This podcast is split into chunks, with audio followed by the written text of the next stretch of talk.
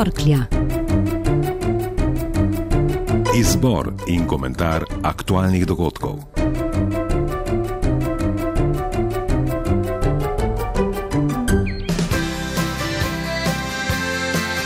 Skrajni čas je bil, da poženemo mline radijske torklje. Če so jih v oljarnah že mesec bolj zgodaj kot sicer, smo se na Radiu Koper odločili, da bomo dogodke tedna izbrali, stiskali in komentirali po volitvah. V tem trenutku smo sicer ujeti med prvim in drugim krogom. Prejšnjo nedeljo je le slaba polovica primorskih občin izbrala župane. 15 občin bo popolno vodstvo dobilo čez teden dni. Kdo želi postati župan?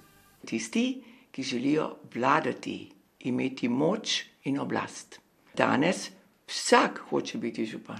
Seveda pa volilci pričakujejo, da kandidatura za župana ne sloni na dejstvu, da zadovolji svoj ego in svoje želje po oblasti in moči, ampak da so mu pri srcu potrebe in dobrobit vseh občanov. Tako specialistka klinične psihologije Marjeta Riči, ki iz varne razdalje v Kanadi opazuje politiko v rodni Sloveniji. Še jo bomo danes slišali.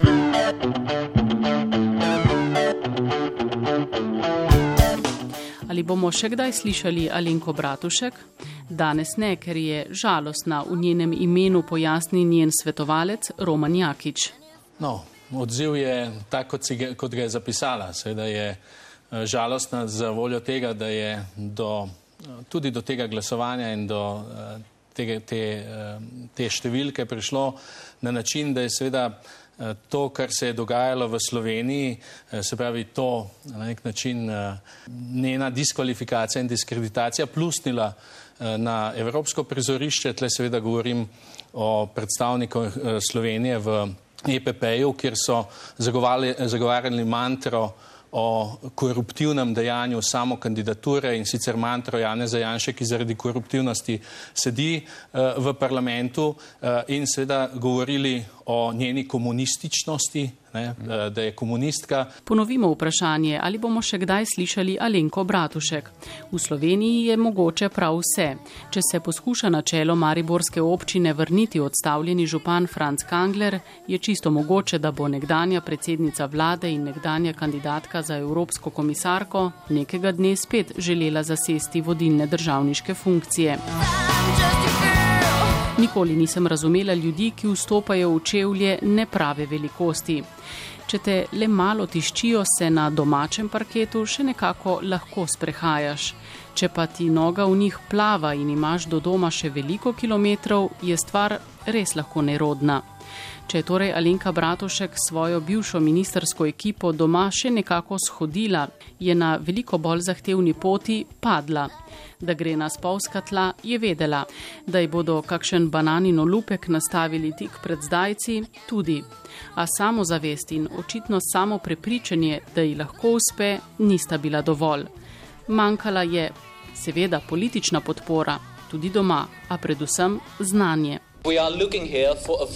Želimo podpredsednico, ki ima pobudo in je močna, zato nam ne govorite, da so stvari težke, ampak bodite konkretni glede svojih načrtov, je terjal poslanec zelenih Eichhut.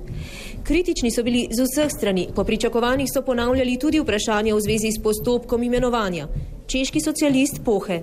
Kaj se bo zgodilo, če bo pri vašem imenovanju v Sloveniji ugotovljena kršitev zakona? To se je izkazalo le uro potem, ko je odstopila od kandidature. Komisija za preprečevanje korupcije je objavila mnenje, da je Bratuškova ravnala koruptivno, ker se iz glasovanja o sami sebi ni izločila. Seveda se ni, ker sicer ne bi šla skozi vladno sito predlaganih kandidatur. In tudi o novi se v koaliciji že krešejo mnenja predsednik komisije Juncker, ki si je srčno želel prav Bratuškovo, čaka, koga mu bo v Bruselj poslala naša država. Predsednik vlade Miro Cerar je sporočil, da je nova kandidatka za evropsko komisarko, ministrica brez listnice Violeta Bulc. Glede glasovanja naj povdarim, da je devet ministrov od uh, celotne vlade se izreklo v prid kandidatki. Seveda smo imeli tudi glasove proti, kot rečeno, in procedura je bila izredno natančna, domišljena, vsi so bili obveščeni o glasovanju, vedeli so, zakaj gre, vse, vse smo večkrat preverili, da ne bi prihajalo do nesporazumov, tako da ni sence dvoma o tem. Mi iz tega ne bomo delali vladne krize, a odločitev je napačna, je modro dejal Dejan Židan. Erjavec je ocenil, da kandidatka nima ustreznih izkušenj, način sprejetja odločitve pa je slaba popotnica za koalicijo. Iz politične skupine liberalcev v Evropskem parlamentu je slišati pozdravne besede za Bulčevo, da je močna liberalna kandidatka. Če torej večjih zapletov z zaslišanjem na odborih ne bo, bo postala komisarka. Zgodbo z izborom slovenskega predstavnika v Evropski komisiji pa je najbolje, da kar pozabimo. Da bi se iz nje kaj naučili, pa je že iluzorno pričakovati. Devet ur so člani mandatno-volivne komisije v parlamentu govorili o možnih scenarijih, kaj narediti z mandatom pravnomočno obsojenega poslanca. Liljana Kozlovič, stranka Mira Cerarja. In podlaga za to ni čustvena ni čustvena, ampak je čisto pravna. Gre spet za tretji odstavek oziroma tretjo alinejo 36. člena poslovnika in pa veljavni zakon o poslancih. Deveti člen zakona o poslancih govori, če je poslanec pravno močno obsojen na nepogojno kazen, mu mandat preneha. Ne govorimo o odzemu. Vse tako preprosto vendarle ni, sicer ne bi pravniki pisali mnen in scenarijev. Omenjal se je tudi najbolj bizaren, da bi Janši zamrznili kazen, da bi lahko opravljal poslansko službo. Za Vinka Gorenaka SDS bo končni sodnik le eden. Sej vam bo uspel, ne? Vi boste naredili še en korak naprej pri tem politični želji po politični smrti Janša in SDS-a, boste naredili, ne? No, evo, tam vam bojo pomagali, ne? To ne bo noben problem, ne? E, mnogi vam bojo pomagali, novinari in, in, in, in e, vsi ste na dobri poti, ne? Ampak nekega dne si bomo pa Janša parkazil, ne? V sanjah če ne prej, na smrtni posteli, ne, pa boste vedeli, da ste počeli grehe, nekoč, ko ste bili poslanci. Veste, to je tisto, to je tisto kar je problematično v tem trenutku. Kakršno koli odločitev že bo sprejel parlament v sredo, zagotovo jo bodo presojala sodišča. Toda katera že? Tista, za katera pravnomočno obsojeni poslanec pravi, da jim sodbe pišejo v murglah? Ne po naključju bodo rekli zagovorniki teorije zarote, se poslanka SMC-ja, ki je na odboru zelo goreče opisovala nastali položaj, piše Murgel, jasna Murgel. Gre za nedopustno in nevzdržno situacijo in se to lahko tolmači samo tako, da je poslanec pač malo bolj enak kot ostali državljani.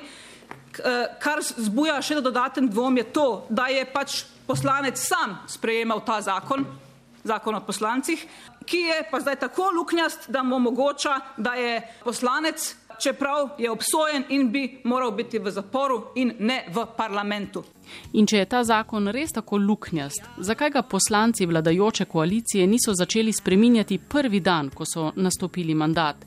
V državi s takšno politično kulturo, kot je slovenska, se lahko namreč jutri zgodi, da bo še kakšen poslanec pravnomočno obsojen in zaradi te ementalne zakonodaje, ki je do sedaj niso uredili ne eni ne drugi, zapravljajo čas z maratonskimi sejami.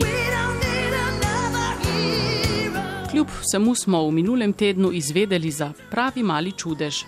Zaupanje državljanov v sodišča in sodnike se je letos v primerjavi s preteklimi leti precej povišalo.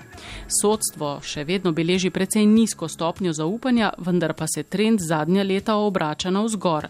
Leto se je glede na lani zaupanje v sodišča namreč povečalo za kar 19 odstotkov. Tako kaže neodvisna raziskava o gledalo Slovenije. Zakaj se je mnenje o sodstvu izboljšalo, pojasnjuje Andraž Zorko iz družbe Valikon. Glede na to, kdaj so bili zbrani podatki, bi lahko rekli, da je postavil tezo, rekel, no, da je to cel odmevnih sodnih procesov, ki so se dogajali v prvem poletju 2014, ki so imeli relativno veliko medijske pozornosti. Nad sodstvom rad udriha tudi novi stari koperski župan Boris Popovič. Da je dobil na volitvah skoraj 4000 manj glasov kot na zadnje, so krive javnomnenjske raziskave, ki so mu napovedale prvi krok. In še, je pa premalo ljudi na voliščih, očitno so razmišljate, kako smo se mi bali, ja, tako popovič zmaga, to je jasna stvar, gremo raje odpirati tolke, gremo raje uživati, pa je tako lepo vreme in tega smo se najbolj bali. Popovič je brez lake na jeziku povedal, da bo zdaj, ko z volitvami v Kopru nima več dela, pomagal prijatelju in svetovalcu v Piranu. Zato ga je, tako kot v času kampanje v Ankaranu, pogosto videti v lokalih druge občine. Svetovalec, zaposlen za polni delovni čas na koperski občini, v času kampanje menda ni vzel dopusta. Na pomoč mu pošiljajo občinsko predstavnico za odnose z javnostmi iz Kopra. Lepo je torej delati kampanjo na stroške koperskih občanov. Večine od tistih, ki so šli na volitve, to očitno ne moti. Ko je klinična psihologinja Marjeta Riči za naš radio razmišljala o obsojenih politikih, ki so izvoljeni, ni imela v mislih konkretnih imen in tudi za rezultat lokalnih volitev še ni vedela. A njena misel je še kako aktualna za slovensko politično sceno, ki jo ne sestavljajo le politiki, ampak tudi voljivci. Če si obsojen, priznaš krivdo, se umakneš, ker ne moreš biti vzor. Kje so sankcije? Se mi vidi, da je tu kriva zakonodaja. Zakaj se pa zakonodaja ne uredi? Ker to ni po interesu vladajočih politikov, ki želijo obdržati svoja položanja za vsako ceno, tako da počnejo, kar želijo. Še bolj zaskrbljujoče je pa to, kakšno sporočilo in vrednote ti politiki dajo mladim generacijam. Zato je za mene še bolj šokantno, kako je to možno, da volilci še naprej vodijo te kandidate in držijo z njimi. Končajmo tam, kjer smo začeli, v torkli. Res ne navadno je pobirati oljke v kratkih rokavih pri 25 stopinjah Celzija. Letina bo slaba, oljčna muha je naredila svoje, a starosta primorskega oljkarstva Angelo Hlaj poudarja. Izkušnje so take, če prej pobiramo, kadar je tak napad olčne muhe in če predvsem takoj, takoj predelamo v oljarni, lahko pričakujemo dobro olje. In to je pravzaprav naš cilj, da imamo dobro olje. Dober dan vam želiva Armando Šturman in Tjaša Škamperle.